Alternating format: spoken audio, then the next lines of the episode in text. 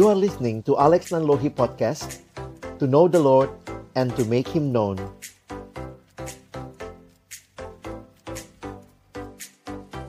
Malam hari ini dari berbagai tempat kami boleh bersekutu memuji memuliakan namamu Dan kami percaya ini semua adalah berkat karunia rahmatmu yang luar biasa bagi kami Sebentar kami akan membuka firman-Mu. Kami mohon ya Tuhan bukalah juga hati kami. Jadikanlah hati kami seperti tanah yang baik. Supaya ketika benih firman Tuhan ditaburkan itu boleh sungguh-sungguh berakar, bertumbuh, dan juga berbuah nyata di dalam hidup kami.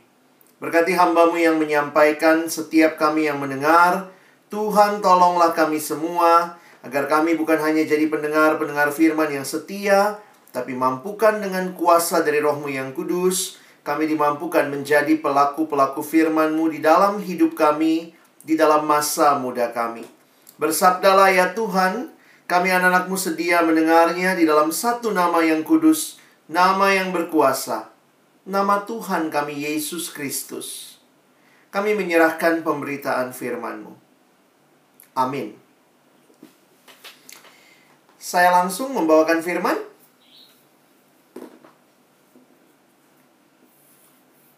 Oke. Baik, teman-teman, uh, sekali lagi saya bersyukur malam hari ini boleh melayani teman-temanku yang jauh di Monokwari. Uh, Manokwari ini saya belum pernah ke sana, tapi saya uh, memahami juga dalam pelayanan di perkantas secara nasional. Kami mendoakan, kami juga sering kali uh, melihat begitu ya kalau pas ada teman-teman yang berkunjung pelayanan baik dari uh, Sulawesi Selatan maupun juga dari Jakarta yaitu hal-hal yang kita syukuri bahwa kita boleh ada dalam satu pelayanan bersama ya mengerjakan panggilan Allah di tengah-tengah kehidupan kita. Nah, saya mengajak teman-teman malam hari ini uh, saya coba ajak kita untuk melihat uh, bagian firman Tuhan yang akan mendasari perenungan kita malam hari ini. Um, Kalex ingin kita belajar dari Yeremia, Yeremia pasal yang ke-29. Yeremia pasal yang ke-29, kita akan melihat di dalam ayat 1 sampai dengan ayat yang ke-11.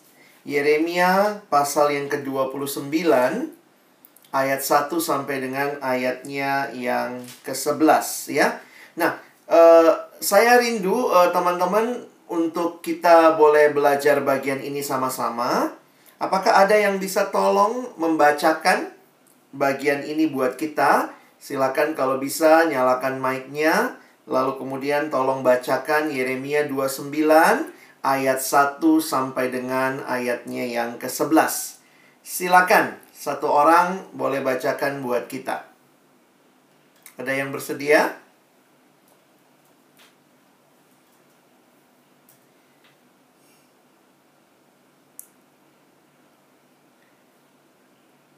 Apakah uh, eh, MC kita bisa tolong membacakan kalau ada Alkitab di situ? Yeremia 29 ayat yang pertama sampai dengan ayat yang ke-11 ya. Silakan. Beginilah bunyi firman Tuhan. Ayat yang pertama, beginilah bunyi surat yang dikirim oleh Nabi Yeremia dari Yerusalem kepada tua-tua di antara orang buangan, pada imam-imam, pada nabi-nabi, dan kepada seluruh rakyat yang telah diangkut ke dalam pembuangan oleh Nebukadnezar dari Yerusalem ke Babel.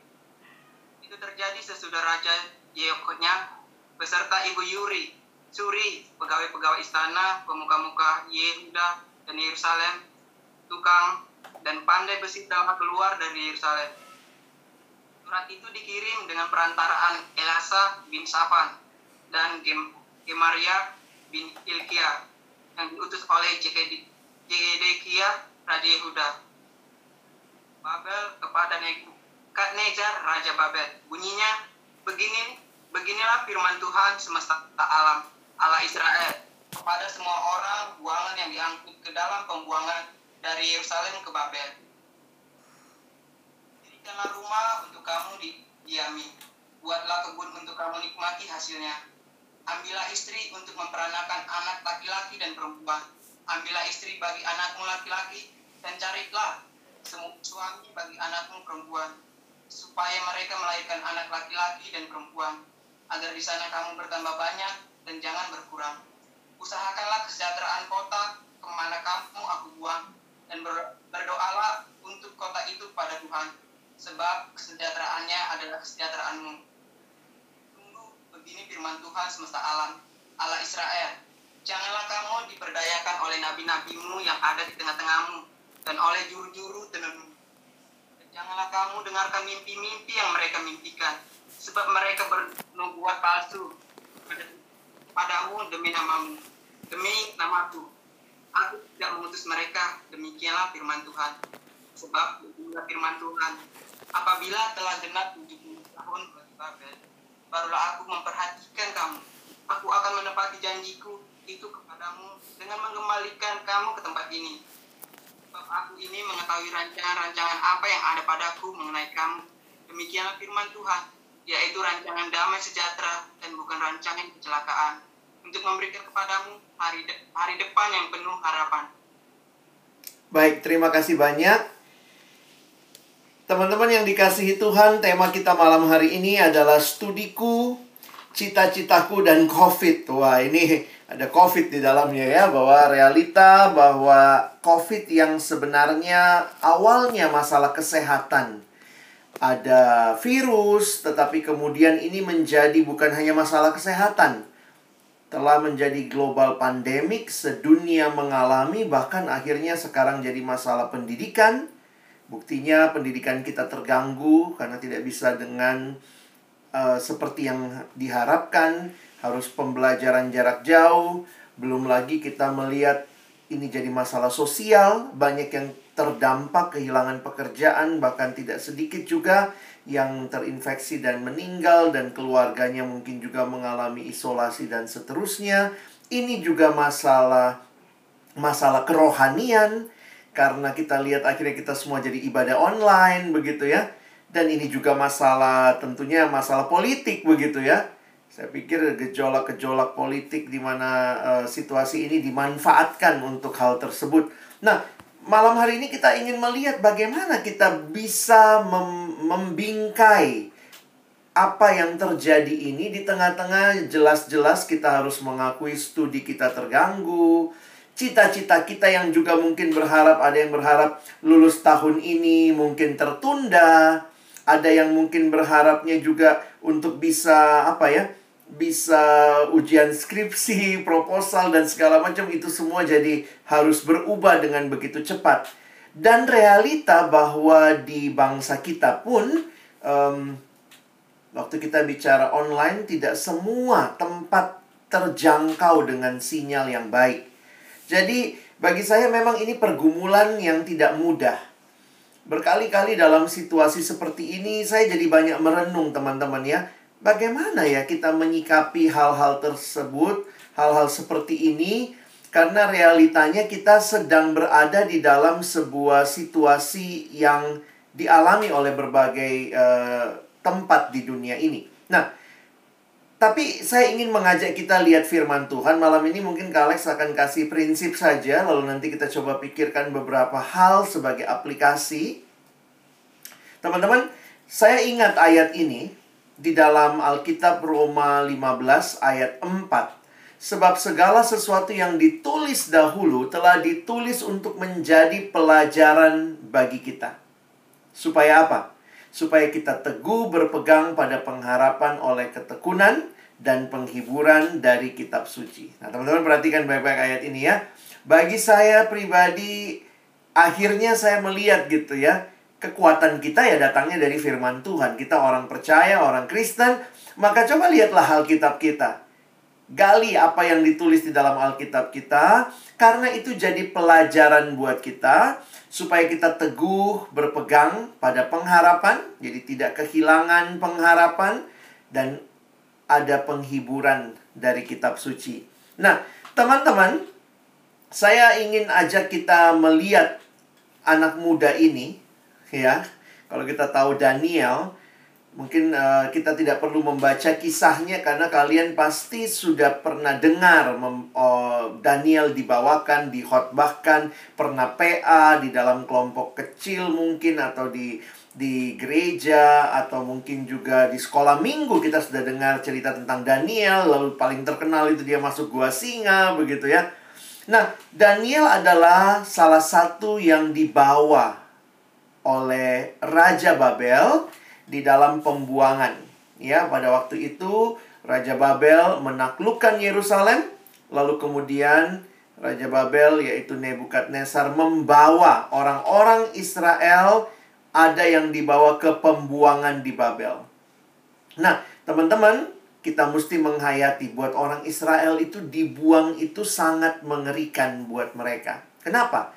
Karena kalau kita lihat janji Allah kepada leluhur mereka, yaitu kepada Abraham, Allah berjanji bahwa melalui Abraham keturunan di muka bumi akan mendapat berkat, tetapi juga salah satu janji Allah kepada Abraham aku akan memberikan tanah Kanaan. Ya. Jadi ketika akhirnya mereka sudah masuk tanah Kanaan, tetapi kemudian mereka bandel, mereka tidak hidup sesuai kehendak Allah, lalu Allah buang mereka dari tanah Kanaan, dibuangnya ke Babel.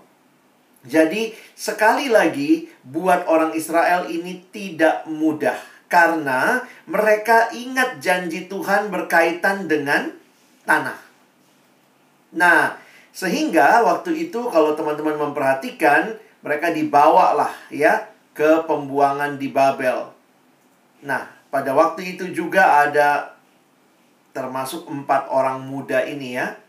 Daniel, Hananya, Misael, dan As Asaria. Ini termasuk yang dibawa ke pembuangan di Babel. Kadang-kadang kita hafalnya nama mereka nama nama Babelnya gitu ya. Uh, Sadrak, Mesak, Abednego. Nah, itu nama Babelnya ya. Ini nama mereka aslinya, nama Israelnya Daniel. Lalu ini teman-temannya itu ya Sadrak, Mesak, Abednego namanya Hananya, Misael dan Asaria. Nah, teman-teman kalau kita ingat ceritanya, ini unik sekali bagaimana Tuhan memberkati orang muda ini. Saya yakin yang dibawa orang muda bukan cuma empat. Pasti ada lebih dari empat orang muda yang dibawa. Karena waktu itu kan dibawalah sebagai tawanan ke Babel. Tetapi cerita empat orang muda ini bagi saya sangat luar biasa. Karena mereka punya iman. Yang membuat mereka bisa begitu bergantung kepada Allah. Dan menolak untuk ikut dalam penyembahan berhala karena kenapa? Makanan yang biasanya diberikan dari meja raja menurut tradisi dalam tafsiran mengatakan biasanya sudah dipersembahkan dahulu kepada berhala. Mereka menolak tidak mau makan dari makanan yang sudah dipersembahkan kepada berhala tersebut. Tetapi apa yang menarik, teman-teman?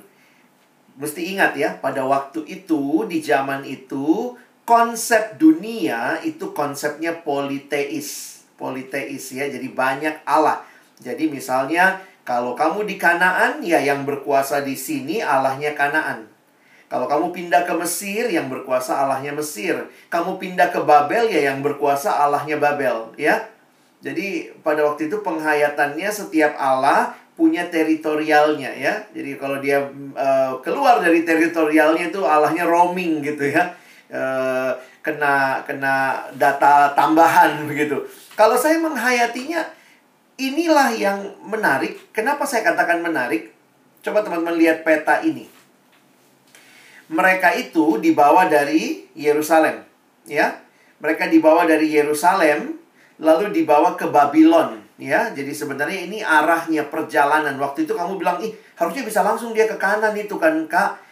waktu itu itu itu tempat nggak bisa dijalani ya jadi ha harus memutar ke atas jadi bayangkan mereka dibawa dari Yerusalem dibawa itu kurang lebih perjalanannya seribu mil dibawa ke Babel bisa saja orang-orang muda ini kan sudah jauh dari Yerusalem masih ingat ya waktu itu ada konsep Allah-Allah teritorial ya sudah kalau di Babel Allah Israel nggak ngeliat gitu ya.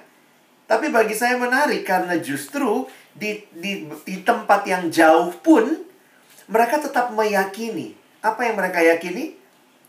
Allah hadir. Karena itu kalau kita lihat ceritanya di Babel pun mereka menolak makanan-makanan berhala. Kadang-kadang saya mikir gitu ya.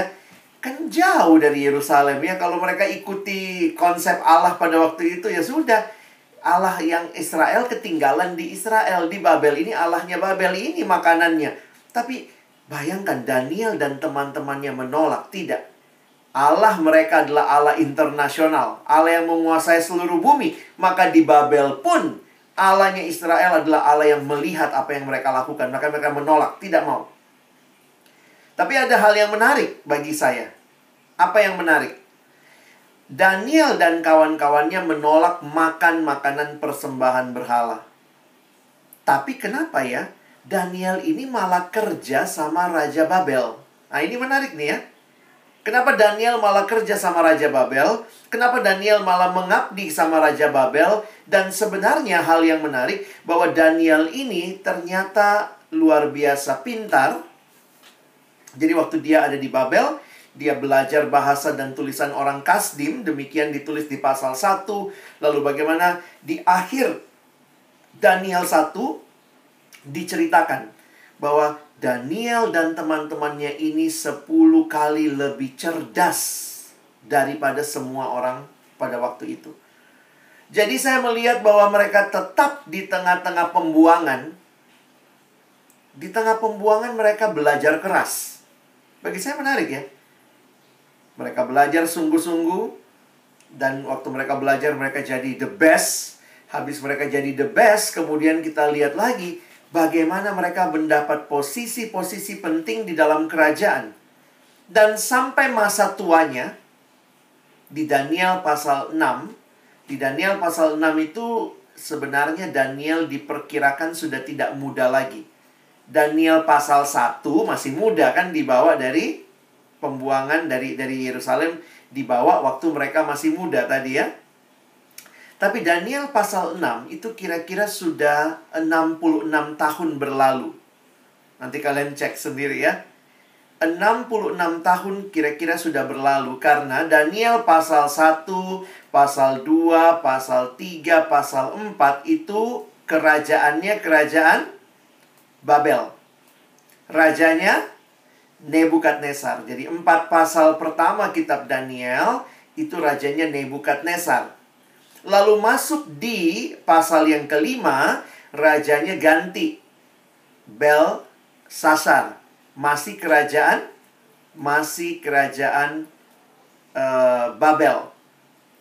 Nah, ingat teman-teman, pada waktu itu raja itu kan nggak ada periode, namanya raja. Dia diganti kalau kalau mati. Kalau nggak mati, raja itu digantinya kalau ada kerajaan lain yang yang menyerang. Jadi Daniel 1 sampai Daniel pasal yang kelima itu satu kerajaan. Babylonian Empire. Berapa raja? Dua raja. Satu namanya Nebukadnezar di pasal 1 sampai 4.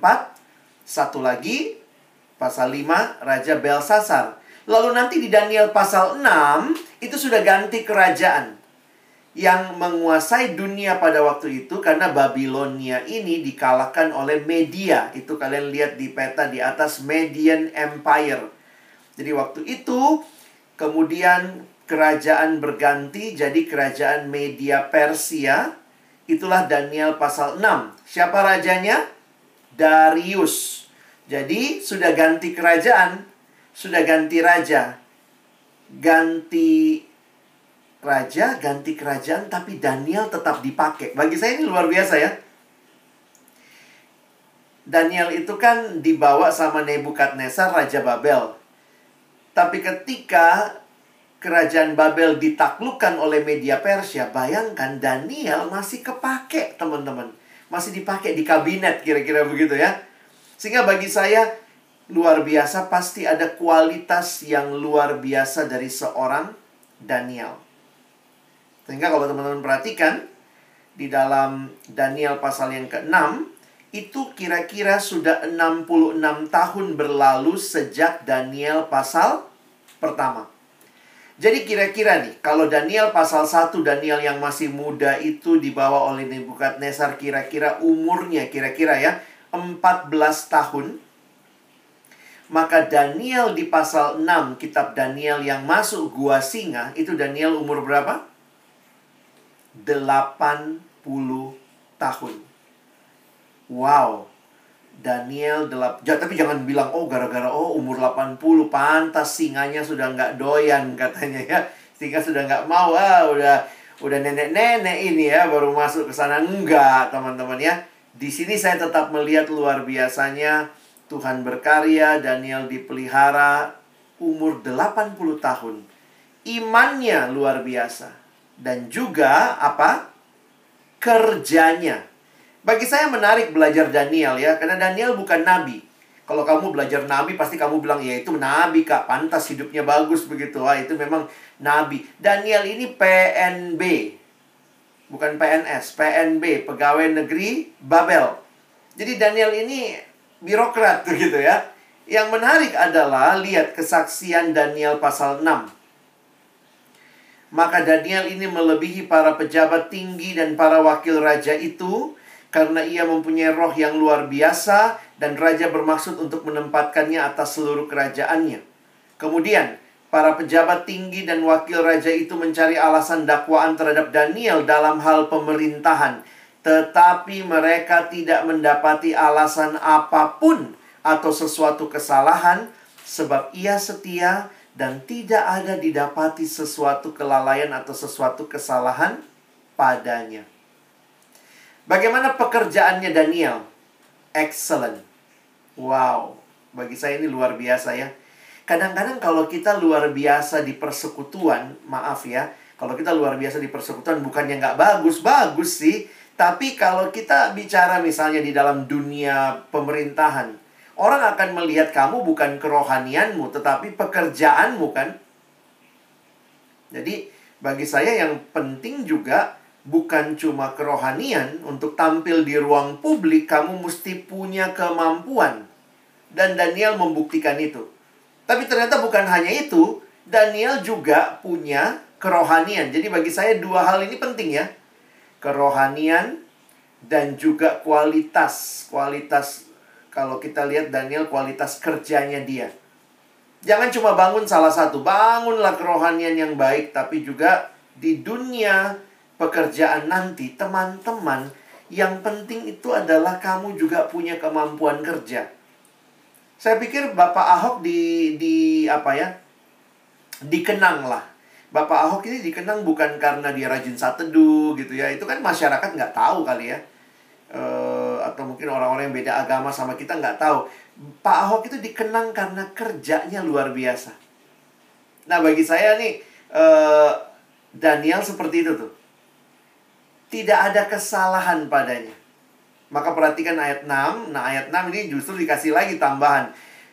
Maka berkata orang-orang itu, kita tidak akan dapat kita tidak akan mendapat suatu alasan dakwaan terhadap Daniel ini kecuali dalam hal ibadahnya kepada Allah. Inilah orang kalau sudah mengada-ngada ya, dicarilah kesalahannya dalam pekerjaannya, excellent pekerjaannya. Nggak ada lagi nih cara lain. Udahlah, kita mesti ulik apa ya ngorek-ngorek agamanya dan akhirnya kita tahu ya Daniel masuk gua singa bukan karena dia korupsi uang proyek bukan Daniel masuk gua singa bukan karena dia tidak kerja dengan baik bukan tapi karena dia menyembah Allah satu hari tiga kali Daniel naik ke ruang atas lalu dia berdoa menghadap Yerusalem ingat teman-teman itu bukan oh kiblat kiblat ya, makanya Daniel menghadap Yerusalem Mengapa Daniel berdoa menghadap Yerusalem? Karena orang Yahudi di pembuangan selalu menunggu kapan Tuhan kami kembali ke Yerusalem. Dan ingat berapa lama pembuangan? 70 tahun. Tuhan bilang 70 tahun dulu kamu di Babel, baru saya akan bawa kamu kembali ke Yerusalem. Nah, jadi Eh, teman-teman, bagi saya menarik memperhatikan hidupnya tokoh Daniel ini sampai masa tuanya dia bersinar. Kenapa? Karena sebenarnya masa mudanya pun dia berjuang sungguh-sungguh. Daniel itu belajar bahasa dan tulisan orang Kasdim. Jadi teman-teman kalau hari ini kita bicara studi, cita-cita, saya pikir sih cita-cita yang besar, kita mau jadi apa, mau memberkati bangsa ini, biasanya orang bilang begitu ya. Itu tuh bukan proses satu malam. Itu proses seumur hidup. Bagi saya yang menarik melihat tokoh Daniel, dia teruji sampai tua. Bayangkan ya, sudah nenek ini, 80 tahun. Tapi imannya luar biasa, kerjanya pun luar biasa, sehingga orang tidak bisa menyalahkan apa-apa. Teman-teman sekarang kenapa saya bahas ini? Karena kan kita ini dalam sebuah realita yang gak mudah teman-teman dan saya syukur-syukur lah ya kita masih ada di negara yang kita kan tidak dibuang di bangsa ini. Ada yang merasa dibuang di bangsa ini? Saya pikir enggak lah ya. Kita ditempatkan Tuhan. Kita suka bilang, oh Tuhan punya rencana menempatkan saya di bangsa ini. Jangan lupa Daniel dan teman-temannya sedang dibuang ke Babel. Kenapa di tengah-tengah pembuangan itu Daniel mau terlibat kerja di Raja Babel. Sampai terlibat lagi kerja di Raja Media Persia. Raja Darius yang pasal 6 ini. Itu yang terus menjadi pertanyaan saya ya. Apa yang bikin Daniel ini sungguh-sungguh ya? Dia sungguh-sungguh studi, dia punya keterlibatan yang besar begitu ya. Ini kan bangsa kafir ini. Tapi akhirnya saya jadi ingat satu kalimat begini ya ada orang yang suka bilang, janganlah terlalu Kristen kamu. Nanti kalau kamu terlalu Kristen, terlalu kelihatan agamamu, nanti nggak dipakai kau di bangsa ini, gitu ya. Saya pikir sih, uh, kalian karena di Papua, mungkin lebih apa ya, ya sama mayoritas lah orang Kristen. Tapi mungkin kalau di Jawa, orang suka kasih nasihat itu, hati-hati, jangan terlalu kelihatan. Nah, udah kita jadi Kristen yang biasa-biasa saja.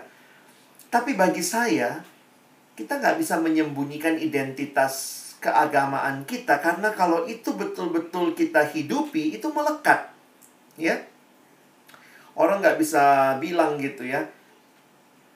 Karena itu menyatu dengan kehidupan kita. Nah waktu saya mencoba menggali apa sih yang mendasari Daniel begitu rupa? Berjuang terlibat dia sungguh-sungguh di tengah bangsa Babel. Waktu itu dia lagi di Babel ya. Apa sih yang mendasari dia untuk benar-benar berjuang?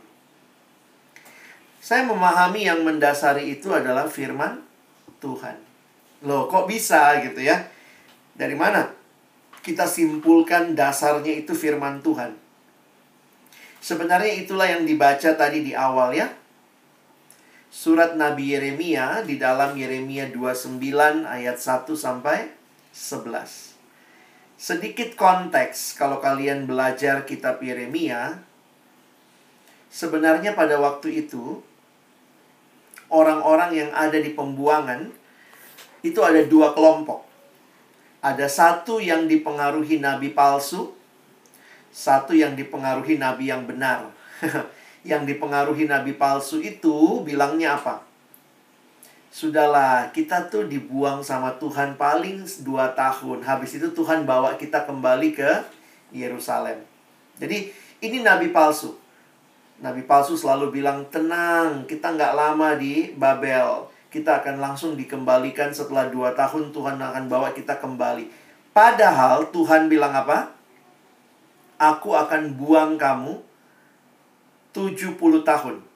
Jadi bayangkan, pesannya nabi yang sesungguhnya 70 tahun. Pesannya nabi yang palsu cuma 2 tahun. Kalian lebih senang dengar yang mana ya? Kalau misalnya ada malaikat datang, Indonesia akan dijajah. Satu bilang kamu akan dijajah 2 tahun, satu bilangnya 70 tahun ya. Kita maunya yang 2 tahun kali ya, jangan lama-lama lah. Tapi waktu melihat Nabi Yeremia sebagai nabi yang asli melawan nabi-nabi palsu. Waktu itu nabi palsu bilang, "Ah, Karena nabi palsu kasih uh, menghasut rakyat. Ngapain denger Yeremia? Gila 70 tahun. Yang satu, kita cuma dua tahun. Nah, bayangkan yang dengar pesannya Yeremia sama yang dengar pesannya nabi palsu, kira-kira reaksinya berbeda nggak? Oh, beda dong. Yang satu kan cuma dua tahun. Yang satunya 70 tahun. Nah, kira-kira Daniel dengar yang mana? Nah, udah pasti ya. Daniel nampaknya membaca dan menghidupi pesan firman Tuhan yang disampaikan Nabi Yeremia yang waktu itu mengirim surat. Jadi sekarang kita lihat lagi suratnya. Kita nggak akan dalami ini, tapi Kak Alex ingin kita memahami ya. Kenapa Daniel sampai 80 tahun kerja sama pemerintah kafir? Apa sih yang mendasari dia begitu berjuang? Dia belajar tulisan dan bahasa orang Kasdim. Dia punya cita-cita yang begitu luar biasa untuk menjadi berkat. Kenapa? Karena suratnya Nabi Yeremia ini saya yakin dibaca Daniel. Daniel muda baca surat Nabi Yeremia walaupun 70 tahun. Tapi inilah pesan yang asli dari firman Tuhan. Ya, Teman-teman lihat lagi suratnya ya. Yeremianya tidak dibawa ke pembuangan. Jadi Yeremia itu tetap di Yerusalem. Jadi waktu itu jangan pikir semua orang Israel dibawa ke pembuangan, tidak. Hanya orang-orang pilihan sebenarnya yang dibawa ke pembuangan. Lalu ada orang-orang yang masih tinggal di Yerusalem. Nah, Nabi Yeremia ini tinggal di Yerusalem. Setelah bangsa itu kemudian sampai ke Babel, dia kirim surat ke mereka. Nah, suratnya itu kepada tua-tua dari antara orang buangan. Jadi ternyata di, di pembuangan tuh tetap ya mereka punya tua-tua, mereka punya imam-imam begitu ya, ada nabi gitu ya. Nah, kepada imam, kepada nabi, kepada seluruh rakyat yang telah diangkut dalam ke dalam pembuangan oleh Nebukadnezar dari Yerusalem ke Babel. Nah, kita lihat apa isi suratnya. Suratnya ini kan nggak di nggak, nggak dikirim pakai JNE gitu ya nggak dikirim pakai tiki di, dikirim lewat orang. Jadi orangnya waktu itu yang disuruh disuruh bawa surat ini adalah Elasa bin Safan dan Gemaria bin Hilkia yang diutus oleh Sedekia raja Yehuda ke Babel kepada Nebukadnezar raja Babel bunyinya Beginilah firman Tuhan Allah semesta alam kepada semua orang buangan yang diangkut ke dalam pembuangan dari Yerusalem ke Babel. Lihat pesannya. Dirikanlah rumah untuk kamu diami, buatlah kebun untuk kamu nikmati hasilnya. Ambillah istri untuk memperanakan anak laki-laki dan perempuan, ambilkanlah istri bagi anakmu laki-laki dan carikanlah suami bagi anakmu perempuan supaya mereka melahirkan anak-anak laki-laki dan perempuan agar di sana kamu bertambah dan jangan berkurang. Kenapa pesannya ini? Ini apa sih artinya? Dirikan rumah, buat kebun, karena kamu akan tinggal lama di Babel. Dengar kalimat Kalex ya. Kamu akan tinggal lama di Babel, jadi lakukanlah hidup pekerjaanmu sehari-hari. Bikin rumah. Nah, yang nabi palsu, karena cuma dua tahun, mereka bikin apa? Cuma bikin kemah. Mereka bikin apa? Nggak bikin kebun. Beli aja, beli aja. Cuma dua tahun kita di sini. Ada yang bilang, eh kita mau kawinkan anak. Tunggulah, nanti pulang aja kita ke Yerusalem. Nanti aja kawinkan anak kita di Yerusalem aja. Tapi suratnya Nabi Yeremia ini perspektifnya 70 tahun. Karena itu Yeremia bilang apa? Tinggallah kau di situ. Bikin rumah. Jangan cuma tinggal di tenda. Buat kebun. Ambil istri. Ambil untuk anak laki-lakimu. Akhirnya apa? Kawin lah kamu. Jangan tunggu nanti dua tahun waktu kita pulang ya. Nah, dari sinilah kemudian ini ayat yang terkenal yang suka kita pakai ya kalau hari doa puasa nasional misalnya. Usahakanlah kesejahteraan kota ke mana kamu aku buang. Kamu lagi dibuang di Babel, usahakan kesejahteraan Babel. Dan berdoalah untuk kota itu kepada Tuhan, sebab kesejahteraannya adalah kesejahteraanmu. Makanya Tuhan kasih ingat lagi nih, lihat suratnya. Sungguh, janganlah kamu diperdayakan oleh nabi-nabimu yang ada di tengah-tengahmu ini nabi palsu, juru tenungmu. Janganlah kamu mendengarkan mimpi yang mereka mimpikan, sebab mereka bernubuat palsu. Aku tidak mengutus mereka, kata firman Tuhan. Mereka bilang dua tahun, dua tahun. Nah ini, Tuhan bilang, aku bilang nih, apabila telah genap 70 tahun, barulah aku perhatikan kamu. Karena janjiku 70 tahun, kamu bandel ya, makanya dibuang 70 tahun. Aku akan menepati janjiku kepadamu dengan mengembalikan kamu ke tempat ini. Ke mana? Ke Yerusalem setelah 70 tahun. Baru ayat 11. Ayat ini kita suka kasih kalau orang ulang tahun ya. Sebab aku ini mengetahui rancangan-rancangan yang ada padaku mengenai kamu, demikianlah firman Tuhan, yaitu rancangan damai sejahtera, bukan rancangan kecelakaan, yaitu memberikan kepadamu hari depan yang penuh harapan. Tetapi setelah 70 tahun. Hati-hati kasih ayat ini untuk ulang tahun orang ya. Karena konteksnya sebenarnya rancangan damai sejahtera itu setelah 70 tahun. Ya, memang ini untuk konteks Israel pada waktu itu. Teman-teman, kalau kamu jadi Daniel, baca surat ini, kira-kira responmu apa? Saya pikir karena surat ini, Daniel nampaknya bekerja, eh, sebelum bekerja dia belajar dulu ya. Waktu saya perhatikan Daniel pasal 1 kok luar biasa dia belajar sampai dikatakan dia 10 kali lebih cerdas, lalu kemudian dia bisa begitu rupa. Di sini saya melihat ya, apa yang kamu yakini sebagai panggilan Tuhan, itu kamu yakini dalam imanmu, itu akan nampak dalam usahamu. Itu akan nampak dalam kerja kerasmu. Sekali lagi teman-teman, tidak ada satupun dari kita yang sedang dibuang di bangsa ini. Kita ditempatkan di bangsa ini. Kalau Daniel saja yang dibuang, harus mengusahakan kesejahteraan kota di mana dia dibuang, maka saya pikir kita pun harus berjuang dengan ayat ini ya. Usahakanlah kesejahteraan kota ke mana kamu aku buang. Sekarang pertanyaan ke Alex begini. Kalau kamu mahasiswa, bagaimana kamu mengusahakan kesejahteraan kota? Belajar. Kalau kamu alumni, bagaimana kamu mengusahakan kesejahteraan kota? Bekerja dengan baik. Jadi akhirnya saya melihat gitu ya, bekerja, belajar itu didasari kepada iman kepada Tuhan yang kita tahu memanggil kita untuk jadi berkat di mana kita hadir. Ada dua hal di sini. Kita suka bilang ora et labora karena yang pertama usahakanlah kesejahteraan kota.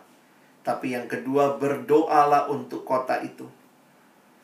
Teman-teman kalau gara-gara pandemi kita jadi malas belajar. Ah, sudahlah.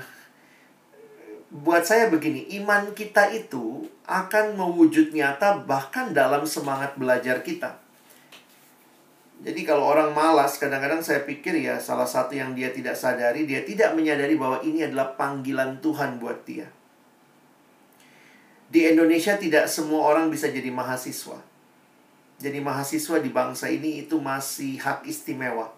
Karena hanya kurang lebih 8% dari 260-an juta penduduk yang bisa kuliah. 8%. Lalu bayangkan dari yang 8% itu, yang Kristen itu pasti 10 persennya lagi. Lalu yang Kristen sungguh-sungguh, ini 10 persennya lagi. Kristen sungguh-sungguh yang ikut PMK, Pelma yang ikut pelayanan mahasiswa lebih sepersepuluhnya lagi. Kan kalian bisa lihat lah ya, kayak di Manokwari kan pasti banyak orang Kristen begitu ya. Yang mahasiswa Kristen banyak. Yang mahasiswa Kristen yang sungguh-sungguh berapa banyak? Yang sungguh-sungguh lalu ikut PMK berapa banyak? Yang sungguh-sungguh ikut PMK, ikut kelompok kecil berapa banyak? Kita itu sebenarnya orang-orang pilihan, teman-teman. Kita itu tersaring dari saringan, saringan, saringan. Karena itu waktu saya mencoba merenungkan tema ini, kamu kenal nggak Allahmu? Kalau kamu kenal Allahmu, kamu kenal bahwa ini Allah, dia adalah Allah yang memilih kamu. Pertanyaannya adalah, gimana semangat belajarmu? Bagaimana upayamu? Bahkan di saat susah. Saya harus katakan tidak ada dari kita yang sudah pernah alami ini kan. Semua kita baru dalam situasi ini. Jadi nggak ada yang sudah, oh saya dulu pernah juga kayak begini. Kita nggak, nggak ada yang tahu ya. Tapi saya mau menantang kita sama-sama untuk berpikir serius. Jangan menyerah. teruslah miliki cita-cita. Itu adalah bukti dari iman kita. Kalau kamu mau jadi berkat, berarti kamu mau give the best. Kalau kamu mau give the best, bagaimana kamu belajar? Kak, lagi pandemi, sinyal susah. Cari cara. Kadang-kadang saya mikir gini ya, um, manusia ini kita dari lahir itu manusia pembelajar. Coba lihat, ingat waktu dari kamu lahir, belajar merangkak, belajar duduk, belajar jalan, belajar uh, mengobservasi sekitarmu, belajar membaca, belajar. Sebenarnya manusia itu jadi gini ya, kalaupun nggak ada sekolah, maaf ya, kalau misalnya Kak Alex, uh, saya bukannya meragukan sekolah, tapi sebenarnya begini, kalaupun tidak ada sekolah, bayangkan lima tahun pertama kehidupan manusia itu belajar. Dan itu natural sekali. Belajar duduk, belajar merangkak, belajar jalan, belajar kenal, belajar ngomong papa, mama. Sebenarnya manusia ini pembelajar sebelum atau ada sekolah, nggak ada sekolah. Manusia pada dasarnya adalah pembelajar. Nah, memang ada yang bilang begini ya, secara teori pendidikan. Jangan-jangan sekolah ini mematikan proses belajar. Dan itu terjadi. Ketika pandemi seperti ini, kampus-kampus tertentu nggak bisa sinyalnya nggak bagus, banyak mahasiswa berhenti belajar. Nah, bagi saya ini jadi evaluasi bagi sistem pendidikan kita. Jangan-jangan pembelajaran kita itu dibikin bergantung kepada kampus, bergantung kepada ruang kelas. Harusnya pembelajaran itu adalah kehidupan yang kita jalani. Jadi, kalau orang bilang, "Iya, Kak, susah sekali sekarang belajar, susah sekali sekarang belajar." Saya jadi mikir gitu, harusnya sih kita bisa belajar tanpa sekat-sekat itu ya Bagaimana caranya? Ya, ya alam ini tempat kita belajar. Mungkin ada yang bilang, tapi gimana kak? Realitanya susah. Mungkin kalau susah ya, ini saya sekali lagi ya, susah sinyal, susah apa. Bukalah buku-bukumu lagi atau buka catatan kuliahmu, buka catatan di handphonemu misalnya tentang kuliah tahun lalu yang sudah kau lulus. Pelajari lagi gitu. Namanya belajar itu bisa bisa diulang-ulang. Kalau sinyalmu bagus, jangan cuma nonton drama Korea, buka YouTube, gali, belajar, baca, download artikel. Internet ini sumber pembelajaran. Cuma ini memang masalahnya kau mau apa tidak gitu ya. Kita rajin atau tidak. Jangan gara-gara COVID kita jadi berhenti. Drama Korea jalan tapi studi berhenti. Nggak ada motivasi. Aku nggak berharga. Aku nggak punya sinyal. Daniel juga nggak punya sinyal. tapi dia bisa berkarya buat Tuhan tanpa sinyal. Kenapa? Karena dia punya kualitas. Dia punya keinginan belajar, dia punya keinginan memberkati orang lain sehingga dia berjuang. Dan itu lahir dari apa? Lahir dari iman. Karena dia baca firman, dia baca surat Nabi Yeremia. Jadi saya menuliskan begini ya. Daniel kenal siapa Allahnya. Dan karena dia kenal Allahnya, dia hidupi kehidupan yang excellent. Nah, teman-teman, Ingat ayat ini ya. Keberhasilanmu dalam studi, cita-cita juga akan terjadi kalau kamu tinggal di dalam Tuhan. Diingatkan lewat ayat ini, di luar aku kamu tidak dapat berbuat apa-apa. Ini kalimat Yesus kepada murid-muridnya. Akulah pokok anggur, kamulah ranting. Di luar aku kamu tidak dapat berbuat apa-apa. Nah, pertanyaannya kalau saya balik. Kalau kamu dan saya di dalam Yesus, kita tinggal dalam dia. Masa sih kita nggak bisa buat apa-apa? Kan yang nggak bisa apa-apa di luar dia. Di dalam dia harusnya ayo buat apa-apa. Kira-kira gitu kali ya. Jangan menyerah. Dan kiranya ini menolong kita untuk menghidupi kehidupan yang bergantung kepada Tuhan. Ilustrasi roda menggambarkan kehidupan kita. Kristus di pusat hidup, bangun relasi dengan Tuhan vertikal, bangun relasi dengan sesama. Itulah yang Tuhan mau dari hidup kita. Saya tutup dengan satu cerita. Satu pagi saya datang ke kantor di pelayanan perkantas di Jakarta waktu itu beberapa tahun yang lalu ada satu adik mantan staff waktu itu dia masih staff dia pagi-pagi dia datang sama saya lalu dia bilang gini Kak Alex Kak Alex dia seorang perempuan dia tinggal, dia ngekos, orang tuanya di daerah, dia kos, lalu di kosan itu dia biasalah punya akuarium kecil di dalam kamar ya. Pelihara ikan mas. Tiba-tiba pagi-pagi dia bilang, Kales tahu nggak? Tadi malam ikan mas saya bunuh diri. saya bilang, kok bisa? Oh dia bilang, iya ternyata pagi-pagi dia ketemu ada dua ekor ikan masnya yang lompat keluar dari dalam akuarium. lompat keluar dari dalam akuarium dan mati tergeletak ya.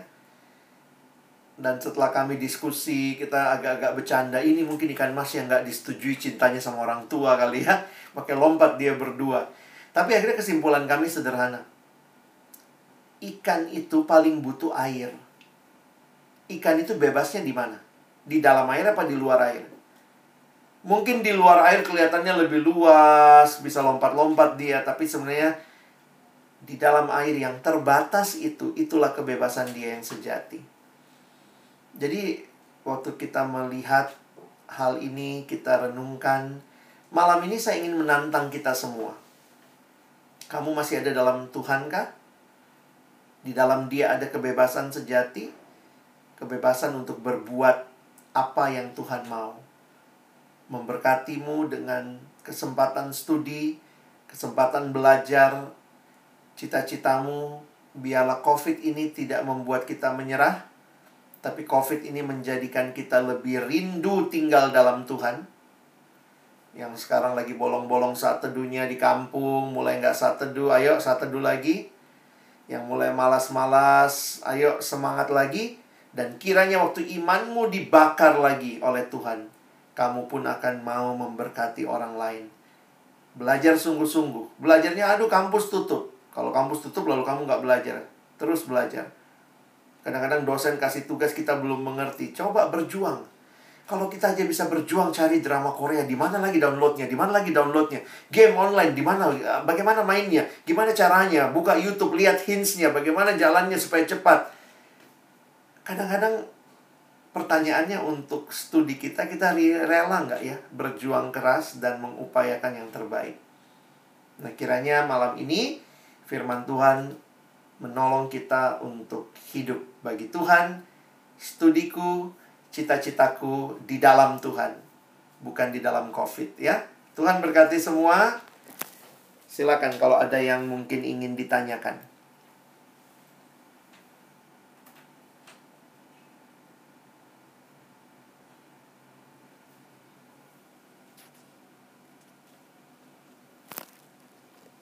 Ya, dipersilakan pada teman-teman yang ingin bertanya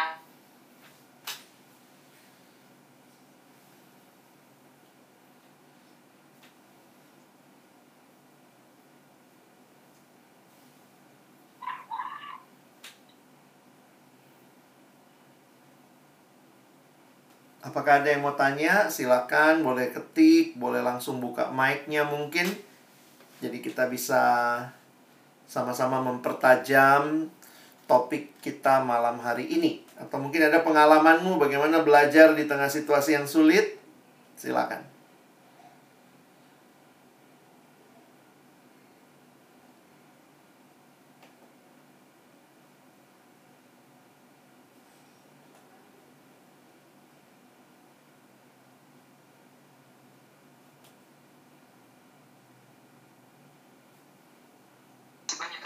Sama-sama. Ada lagi?